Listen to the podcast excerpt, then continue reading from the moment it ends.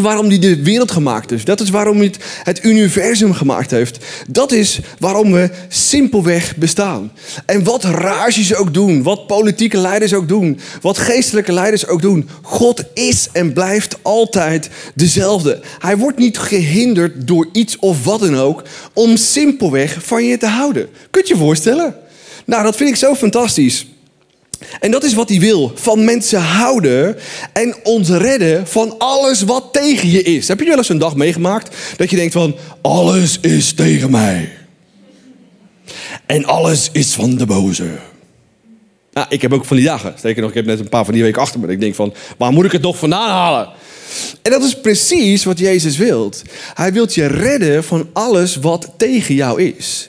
En de grap is soms dat we zeggen: van God moet je altijd alles doen. Nou, moet dat? Nee, je mag het doen. En de dingen waar jij misschien het meest grootste afkeer van hebt, is misschien wel waarin God zegt met de grote luidspreker: Hoi, kijk uit! En jij denkt, ja, maar ik mag niks. Nee, God wilt je voor dingen behoeden. Hij wilt je bovenal van je houden. En hij wilt je redden van alles wat tegen je is. Maar dat is niet het enige wat hij wil doen. Hij wilt ook mensen hoop geven. Niet alleen op redding. Redding is easy. Je geeft je leven aan Jezus. Je dankt voor het kruis. Met heel je hart, al je verstand. En je hebt een ticket voor de eeuwigheid. Awesome of niet? De meeste mensen stoppen daarbij. Ik ben in de hemel. Awesome. Is ja, de hemel is super awesome. Als je, nu zou zien, als je nu zou zien wat de hemel is, denk je... Oh, kan je niet verdragen, zo awesome is het. Maar wat hij hier en nu door je heen wil doen... dat is magic. Want God wil je niet alleen redden voor de eeuwigheid. Hij wil niet alleen hier redden in dit leven, maar hij wil ook door jou heen mensen positief beïnvloeden en redden. Met andere woorden, God wil jou gebruiken om iets bijzonders te doen voor de mensen om je heen. Voor deze stad, voor dit land. En dan krijg jij misschien, ja, je denkt zeker dat God mij wil gebruiken. Ja. Dat is wat hij besloten heeft. En wat zeggen wij dan? Ja, maar ja, je weet niet wat ik fout gedaan heb van de week. En ik ben niet zo goed in volgeling van Jezus. En ik ben niet zo perfect. Guess what? Je wordt nooit perfect. Je kan elke week naar ICF komen. Je kan elke week in een smallgroep zitten. Je kan elke dag je Bijbel lezen. Maar je wordt nooit perfect. De dingen toepassen die je leest, hoort en ziet, noemen we heiligen, zodat je meer op hem gaat lijken. Gaat ervoor zorgen dat je leven in overvloed krijgt. Zodat je on fire bent. Was die nou on fire net?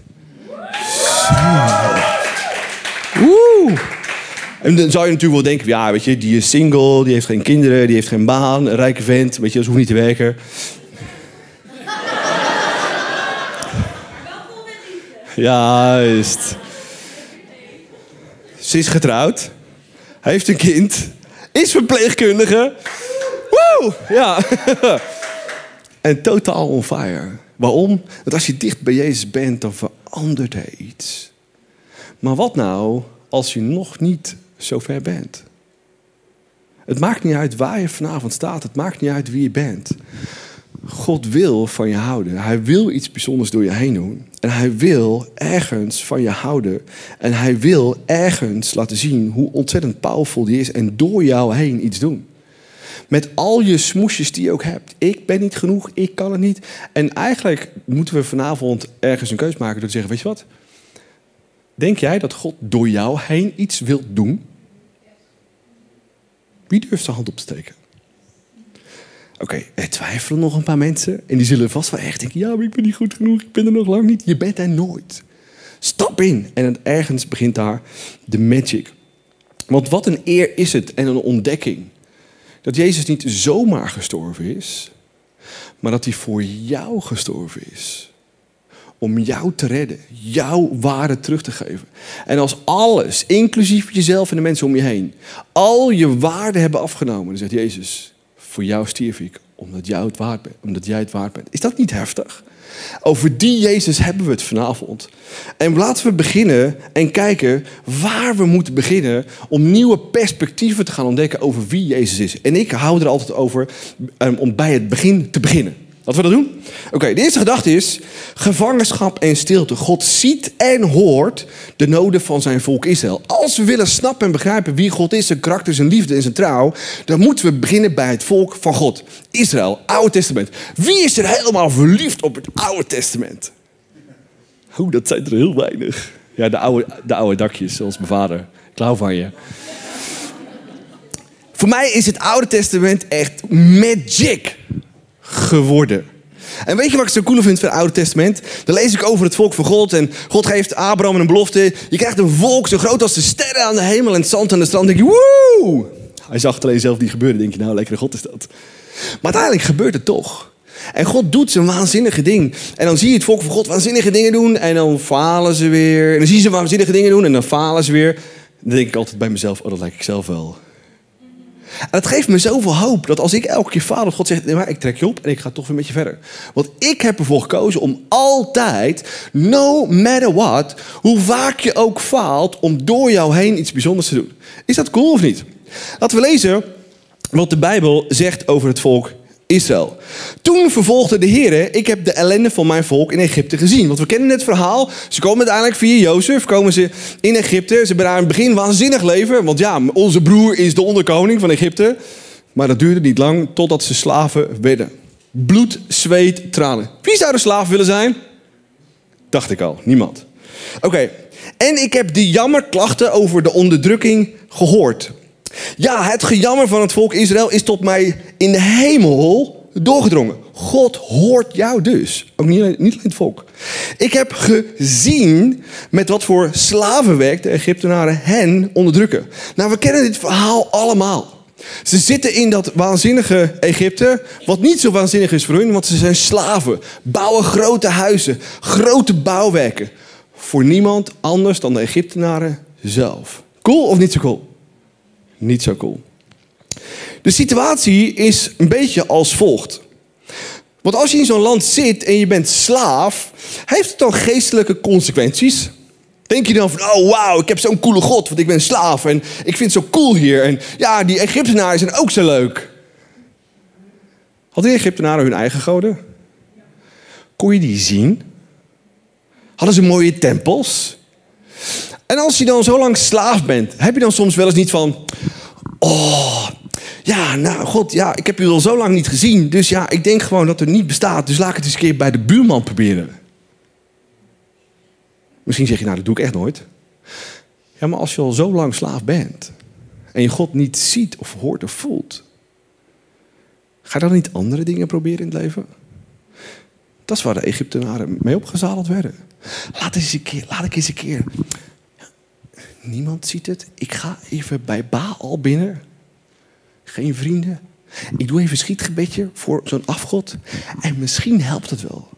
Dus je wordt geestelijk beïnvloed om het op een andere manier te doen, omdat het gewoon taf is. Wat er ook gebeurde, is je identiteit. Die verandert. Want je kan wel zeggen van ik ben een Egypte, ik ben een fantastische Israëliet, maar als je slaaf bent, wat denk je dan? Denk je dat je zoon van God bent? Of slaaf? Denk als is dat je slaaf bent.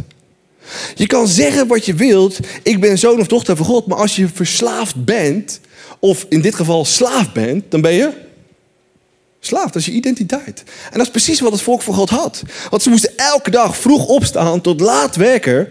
En het is niet even zo dat als je een dagje ziek bent, dat je je even ziek meldt natuurlijk.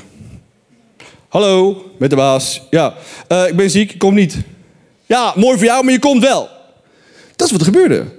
En het was zelfs zo heftig dat als je eens een keer, nou, valt er een steen op je hand. Ja, jammer dan. Hand eraf. Oh ja, ja een stuk been eraf. Ja, jammer dan. Morgen weer door, doorweek. Net zolang tot je dood was. Is dat heftig? Dat is echt super heftig. Dus lichamelijk had het ook ontzettend veel consequenties. Ziektes, geestelijk, armoede. Ze waren zo arm als een kerkerad. Als je in zo'n situatie zit, denk je dan... Woe, ik heb zo'n fantastische God. Of raak je dan gedesillusioneerd? Ik denk het laatste. De vraag is, wie verandert er? Verandert God of veranderen wij? Ons issue is dat we niet kunnen dealen met het hier en nu. Maar wat er wel moet gebeuren, is dat God nu moet doen wat ik wil. En toch hoort, ziet, voelt God wat zijn mensen meemaakten. En het raakte hem elke dag. Elke dag. Het raakte hem elke dag. En ergens zegt God: genoeg is genoeg. Want uiteindelijk gaan ze uit Egypte vandaan. Op een waanzinnige manier. God bevrijdt ze met wonder na wonder na wonder na wonder.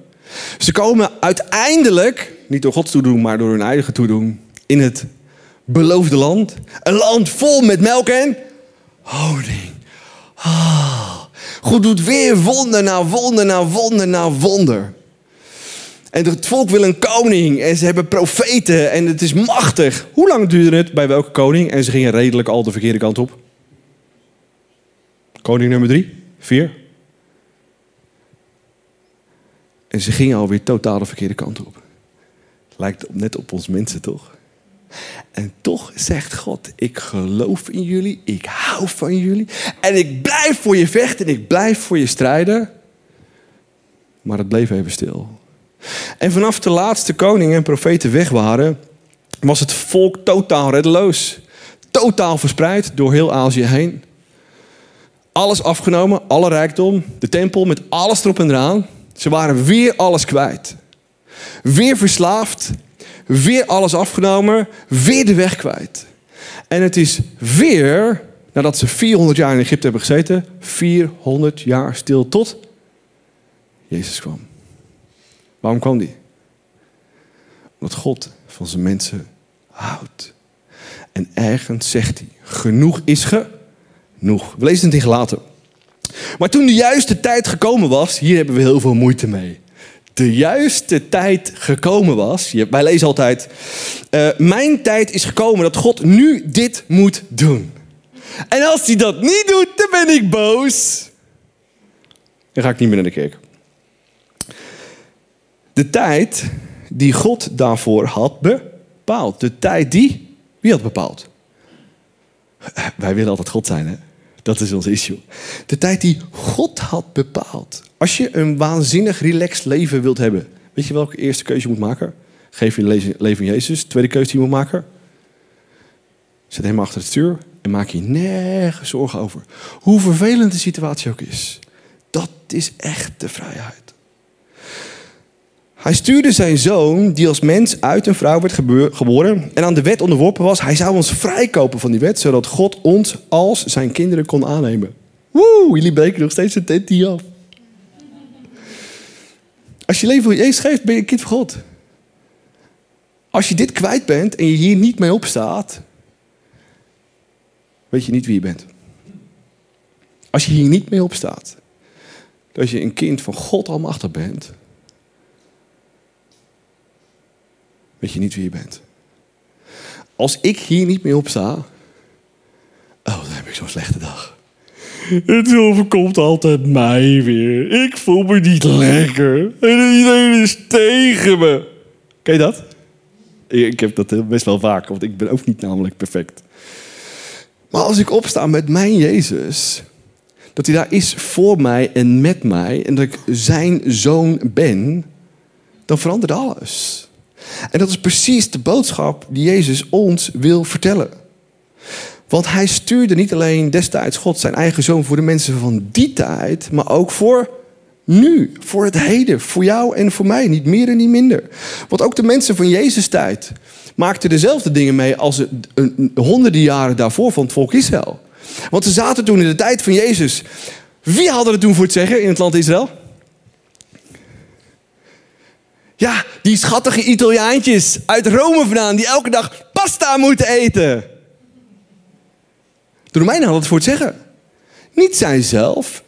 Ze werden geruled, ze werden weer bijna verslaafd. Ze moesten onder andere wetgeving, in plaats van die van hunzelf, moesten ze leven.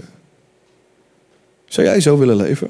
En weer was hun identiteit aan het diggelen. Wie ben ik? Ben ik nou een Israëliet? Ben ik nou uh, Egyptenaar? Ben ik nou een Romeintje? Ben ik, wie ben ik nou eigenlijk? Alles was weer overhoop gegooid. Alles was weer anders.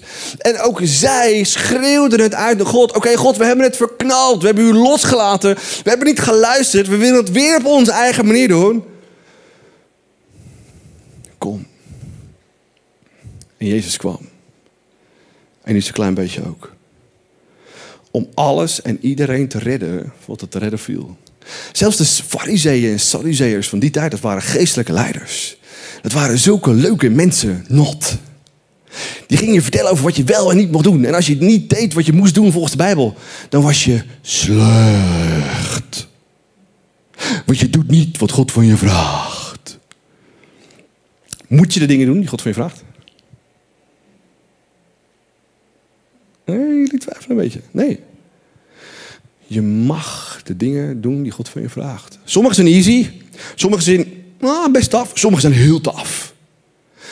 En degene die heel taf zijn, als je dat wilt doen, echt hier vandaan, hè? dus niet hier, maar echt, echt vanuit je, ik wil dit doen, daar zit de magic. En precies dat, daar wilde Jezus die mensen van redden. God wil niet robots. Je moet dit en je moet dat en je moet zus je moet zo. God geeft een guideline, een, een, een handboek voor het leven. Waarin als je alles daarin staat, wilt doen en wilt gehoorzamen. Heb je geen perfect leven, heb je niet een leven zonder problemen, maar heb je een totaal vervullend leven. En dat is precies wat Jezus wil geven aan de mensen van zijn tijd. Dus we hebben het volk Israël gezien. God houdt van ze, is met ze, doet wonderen tot in het, in het beloofde land. Toen kwam Jezus om de mensen van zijn tijd te redden. Van de Italianen, van de Sadduceërs, van de Fariseërs. Omdat ze hem zo hard nodig hebben. En God is daar weer met zijn eigen zoon. Als we dan nu, nu in deze tijd zijn. Denk je dan dat Jezus ook jou wilt redden? Ook hier twijfelen weer een paar mensen. God verandert niet, maar wij veranderen. En de grote vraag is, wat heb jij nu nodig? Wat is jouw nood? Waar schreeuw jij het uit? Want ik zie het niet meer zitten. Ben ik de enige die dat soms heeft? Ja, het zijn altijd mensen hier van, van, van, van die, die al goed uh, het leven geproefd hebben, die dit soort dingen heel goed snappen. Ja, die hebben altijd veel meer noden en zijn er ook gewoon heel eerlijk over. Iedereen heeft noden. Misschien heb je een nood die heel fysiek is. Misschien heb je gehoord dat je net ziek bent, of misschien wel zelfs ongeneeslijk ziek. Of misschien ben je mentaal niet sterk op dit moment en twijfel je aan alles en word je zomaar van de ene ding op de andere ding emotioneel, weet je niet waar je bent en je weet niet waar je moet zoeken. Of misschien je identiteit zegt, maar wie ben ik nou in hemelsnaam? Je weet niet waar je goed in bent, je weet niet wat je wilt, je weet het gewoon simpelweg niet. Of misschien geestelijke armoede. Denkt, ja, ik snap die God al heel lang, maar ik voel hem niet. Ik ervaar hem niet en ik wil daar veel meer van. Ik denk dat we allemaal wel ergens iets hebben, een nood. Een grote nood. Die we graag ingevuld zien worden. En dan is de grote vraag, kan Jezus iets voor jou betekenen? Als je geïnspireerd wordt door de mensen van Jezus tijd, als je geïnspireerd wordt wat God deed in de tijd van, van Israël, denk je echt en durf je te geloven dat Jezus vandaag hier nu jou wilt helpen? Ik denk het wel. Want God blijft altijd dezelfde. Wij veranderen.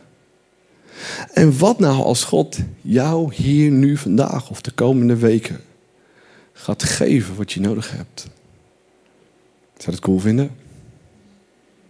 Zouden we daar niet de komende weken de tijd voor moeten nemen? Daarvoor moeten bidden? Daarvoor moeten daken moeten schrijven. God, dit is mijn gejammer. Dit is mijn nood. Dit is mijn pijn. Denk je dat hij het wil horen? Wel degelijk. En misschien zeg je ja, maar ik heb de laatste tijd wel heel erg hard tegen hem gevloekt. Dan ben je aan het juiste adres, want er is niemand die jouw gevloek beter kan accepteren dan wie dan ook. Want het is God. Hij wil je horen, je pijn, je ellende, je verdriet. Zodat hij iets voor je kan doen. Als je gelooft. Maar waar moeten we beginnen? Waar begon het volk van God? Toen ze redding nodig hadden. We gaan een klein beetje inzoomen op de laatste plaag in Egypte. Wat was dat? Eerstgeboren zoon of dochter of dier sterft als je geen bloed van een lam aan een deurpostel gesmeerd hebt. Laten we luisteren hoe dat ging.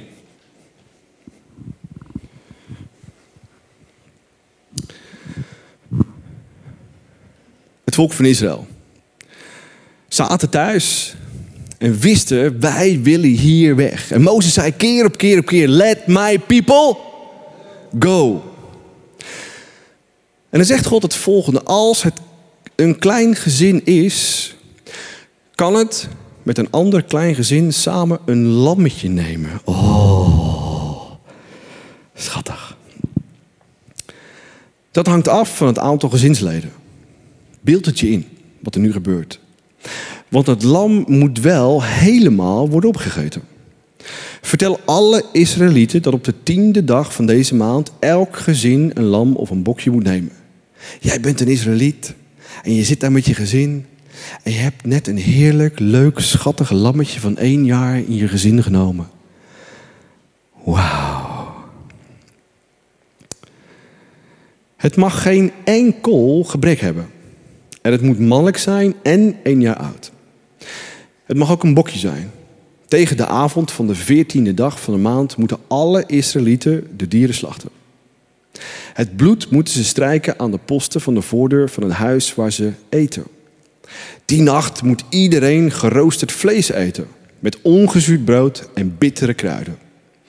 Het vlees mag niet rauw of gekookt worden gegeten. Rooster het boven het vuur. Met de kop, de poten en de ingewanden erbij. Al het vlees moet diezelfde nacht worden opgegeten. Als er toch iets overblijft, moet je de volgende morgen worden verbrand. Het moet een haastige maaltijd zijn. Iedereen moet klaarstaan om reis te gaan. De sandalen aan en de wandelstof in de hand. Het is een Pesach, oftewel een voorbijgaan voor de Heer.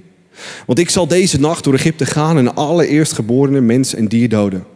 Ik zal de afgoden van Egypte vernederen. Ik, de Heer. En nu komt hij. Het bloed van de deurposten zal voor mij een teken zijn dat de Israëlieten daar zijn. Als ik het bloed zie, sla ik dat huis over. Uw eerstgeborenen zullen niet het slachtoffer worden van de straf die ik Egypte ga opleggen. Zo'n waanzinnig verhaal wat hier gebeurt. Dat een simpel lammetje, wat je in huis neemt, met je familie, met je kids. En ik beelde me dat zo deze week in en ik denk, oké, dan heb ik een lam van één jaar oud in mijn huis, met mijn drie dochters en mijn vrouw. En die vinden dat waanzinnig, die spelen met het lam en die vinden het leuk en En dan na vier dagen moet je slachten. Pijnlijk? Mm. Misschien krijg je, waar, wat is die God een beetje gek of zo? En weer als je terugleest in de hele Bijbel, lees je maar één ding. Bij God is er één regel. Niemand is perfect. Ik hou van jullie. En er moet iets of iemand sterven om jou te redden. En wat hier gebeurt in Israël is zo waanzinnig. Dat God zijn volk vrij krijgt met wonder na wonder na wonder. En het laatste wonder zegt alles. Dat je een lam neemt. Je consumeert het met je hele gezin. En het bloed van het lam redt het hele gezin. Met name de oudste van de dood. misschien heb je hier nu ook wel noden die voelen als de dood. Angst, twijfel, identiteit. Wie ben ik? Waar ga ik heen? Wat moeten we daarvan leren? We moeten leren dat het lam van God ons redt. Voor Israël was dat een lam. Maar in onze situatie is dat het lam van God, Jezus zelf. En dat is de grote parallel wat God fantastisch door de eeuwen heen doet. Dat hij tegen de Israëlieten zegt, weet je wat? Een lam is voldoende. Een lammetje. Maar bij Jezus werd alles anders. Jezus werd het lam van God genoemd. En ook hij zou sterven. Perfect. Niet gebroken. Voor jou en voor mij. En toen Jezus naar Jeruzalem ging om uiteindelijk te sterven, gebeurde iets bijzonders. Hij ging naar Jeruzalem op een ezel. En mensen hadden palmtakken voor hem neergelegd, vonden het fantastisch wie hij was. En iedereen juichte schreeuwde. Ik denk dat er ook mensen stonden die echt dachten: hey, dit wordt onze nieuwe koning. En hij gaat ons letterlijk redden. Terwijl de manier waarop iedereen zou verbazen. En hij zat er op de rug van die ezel. En wat Jezus zag, was de mensen die graag vrij wilden maken, wilden redden. Maar wat hij ook zag is door middel van wat hij dat deed. Elke ezel heeft op zijn rug een kruis. En Jezus zag dat kruis en wist dat hij zou sterven aan een kruis. Als een perfect lam van God. Waar iedereen van houdt. Maar er moet iets of iemand sterven. Om jou en mij vrij te komen. En te redden van alles wat tegen jou is. En wat we moeten snappen is dat Jezus is het lam van God. Is het licht in de duisternis wat we zo hard nodig hebben. En misschien heb je alles al geprobeerd in je hele leven. Zelfhulpboeken. Jezelf gestimuleerd. Jezelf met je koptelefoon en Spotify aan. Woo, I can do this. Maar zolang het lam van God, Jezus zelf, niet in je leven gekomen is. En je echt geraakt heeft in je hoofd en in je hart. Dan blijf we het zelf proberen. Of met hulpmiddelen in deze wereld die lang niet genoeg zijn. We zitten nu in het begin van deze serie en ik weet dat we allemaal noden hebben. En ik wens maar één ding in de bitter komende weken maar één ding. Is dat je op jouw gebied, op jouw uitdaging, jouw nood een doorbraak hebt. En ik weet dat de sleutel daarvoor Jezus zelf is, want Hij is het licht. Hij is jouw redding. Hij is jouw alles. Bij het volk van Israël, voor de mensen van Jezus tijd en voor onszelf. En we weten dat Hij het licht is. We lezen het in de openbaringen. De stad heeft geen zonlicht op maanlicht nodig. Kan je je voorstellen, een stad zonder zon of maanlicht? Ja, het ziet er een beetje zo uit. En dan gaat deze lamp ook nog eens een keer uit. Want zij worden verlicht door de schittering van God. En het lam, Jezus, is haar lam. Niet meer en niet minder. En dat is precies wat Jezus wil doen. Hij wil dat hij het lam is in jouw leven. Het licht in jouw leven. Dat hij echt een verschil kan uitmaken in jouw leven. De vraag is, durf je zo'n heel klein, lief, schattig lammetje in je leven te nemen? Misschien zeg je, maar ik ben bang voor God en ik weet niet wie die is en ik weet niet wat hij gaat doen, ik weet niet wat hij van plan is. Durf je zo'n lam in je leven te nemen? Wie durft dat nou niet? Zo simpel is het. En als je Jezus in je leven neemt en je leest meer zijn woord en je gaat steeds meer naar kerkdiensten toe en je gaat je omringen met mensen die van God houden, krijg je meer en meer licht in je leven. Je krijgt meer en meer leiding. Je krijgt meer en meer. Kom je vrij van het verleden. Net zoals het volk Israël. Net zoals het volk Israël in het land van Israël zelf. Dat ze werden overruled door andere heersers. En wij zijn soms ook verslaafd aan dingen. Verslaafd aan social media. Verslaafd aan smartphone. Mooie dingen, hè, die dingen. Maar we zitten soms zo vast. En we denken, als ik dingen post, dan ben ik cool. Als ik dingen doe, dan ben ik cool. Als ik dan pas ben ik gered. Je wordt pas gered als je het lam van Jezus in je leven neemt. Die waanzinnige liefde, vergeving, troost, leiding het laat overnemen van je eigen leiding, van je eigen gedachten, van je eigen beslissingen. Wat heb jij nodig van jou, Jezus? Wat voor doorbraak heb jij nodig? Misschien zit je al zo lang vast. Het enige antwoord is Jezus zelf. Het was zo, het is zo en het blijft zo totdat deze wereld stopt te bestaan. En tot die tijd wil die jou iets geven wat jij nodig hebt om vrij te zijn, vrij te blijven, zodat God door jou heen iets bijzonders kan doen.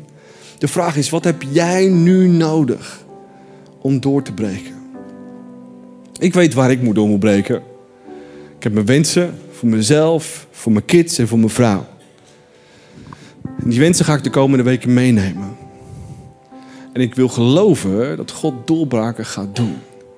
Simpelweg omdat ik de deur van mijn leven al lang heb opengezet voor Jezus zelf.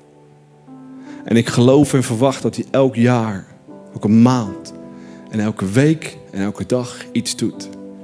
En als hij niets doet, is het ook goed. Want hij leidt mij. Maar de komende weken richting Pasen, waarin we met z'n allen gedenken wie Jezus was, wat hij deed voor jou aan een kruis, gaan we heel minutieus doen waarom die het deed, wie die is en wat hij voor jou kan betekenen. Maar bovenal wil ik doorbreken. Waar heb jij een doorbraak nodig?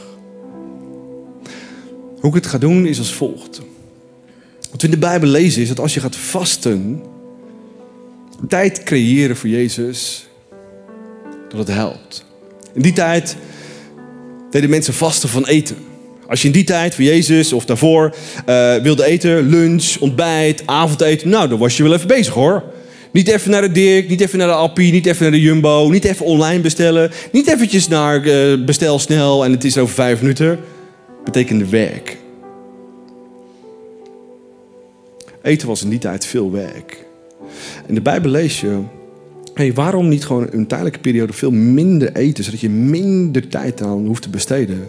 Zodat je meer tijd hebt om Gods woord te duiken. Zodat je meer tijd hebt om te bidden. Dat je meer tijd hebt om gewoon simpelweg, God, ik luister.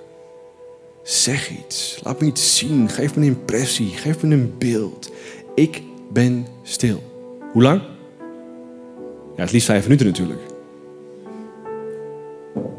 Maar God is geduldig. En God wil al je aandacht. En misschien moet je social media tijdelijk stoppen. Tijdelijk. Misschien moet je zeggen, weet je wat, die smartphone, ik leg hem gewoon een vier, vijf weken even opzij. Of misschien zeg je van sport, ik doe even minder. Wat het ook is in jouw leven. Misschien zeg je, wat kan je verminderen? Zodat je meer tijd hebt om te luisteren, om te ervaren, om stil te zijn voor jou, Jezus. Ik ga vast op mijn manier. Sowieso eten, sowieso smartphone. En sowieso misschien wel een prijsje heftingen. Ik wil stil zijn. Ik wil luisteren. Wat heeft God mij te vertellen? Wat heeft God mij te vertellen voor mijn vrouw? Wat heeft God mij te vertellen voor mijn kinderen? Zodat we samen doorbraken hebben en kunnen bidden. En bidden is, niet, is simpelweg mijn noden bij hem brengen. Het soms uitschreeuwen. Maar stil zijn en luisteren. Bid. Waar wil jij voor bidden? En het laatste wat ik wil doen is, ik wil iets teruggeven aan mijn Jezus.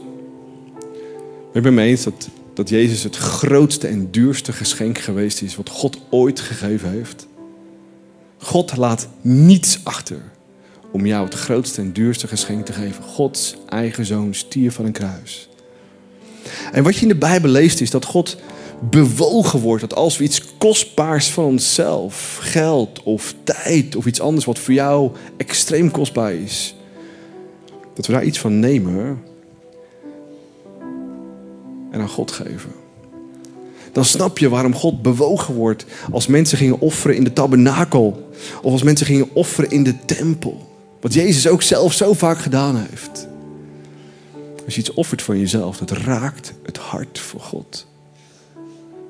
En je kan God bewegen in zijn hart. Want hij hoort je, hij ziet je, hij houdt van je en wil iets voor je betekenen. Ik hoop dat je samen met mij doorbraken wilt ervaren in deze hele serie hashtag Jesus. Een fantastische, coole naam. Maar Jezus is nog veel cooler. Dat je gaat ervaren dat hij voor jou persoonlijk is. Dat je zijn vergeving gaat ervaren, zijn liefde gaat ervaren. En bovenal de nood die jij hebt bij hem brengt. In geloof. Dat hij iets gaat doen. Dat je stil wilt zijn en blijft geloven. Totdat het gebeurt. Zullen we samen bidden? Heer, dank u wel voor uw bent. Dank u wel voor uw liefde. Dank u wel voor uw trouw. Dank u wel, God, dat u de wereld en mensen gemaakt heeft om simpelweg van ons te houden. En door de eeuwen heen, mensen, religies, religieuze leiders, soms wij zelf maken u tot een God waar we dingen van moeten. Het enige wat u wilt is van ons houden, met ons praten, met ons communiceren, ons omarmen. En soms vinden we dat eng. Want soms hebben we zo'n ander beeld bij u. Maar u houdt van mensen. Is zo, blijft zo. Verandert nooit. De enige die verandert zijn wij. Jezus zit hier allemaal met onze eigen nood. Uw volk Israël had hun eigen noden in Egypte. De mensen van uw tijd, Jezus, hadden hun noden. En ook wij hebben onze noden. Misschien fysiek, misschien mentaal, misschien geestelijk, misschien in onze identiteit. Dat we onszelf kwijt zijn, niet weten wie we zijn. Maar u heeft antwoorden. En u kunt onze waarde weer teruggeven. Om laten zien wie we werkelijk zijn. Geestelijk weer aanraken in onze diepst van onze ziel. Lichamelijk weer gezond maken. En het gebeurt alleen maar op één simpele manier. Als we het lam van God in huis halen. En hier nu vandaag, Jezus, willen we simpelweg zeggen: Ik wil u uitnodigen in mijn leven. Als u het volk van Israël redden, als u de mensen van uw tijd redden, dan kunt u ook mij redden. Dan kunt u ook mij in mijn leven doorbreken. En dat is precies wat ik wil.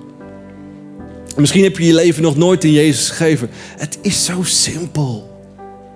Bedank Jezus dat hij voor jou aan het kruis stierf. Voor jou. Om je te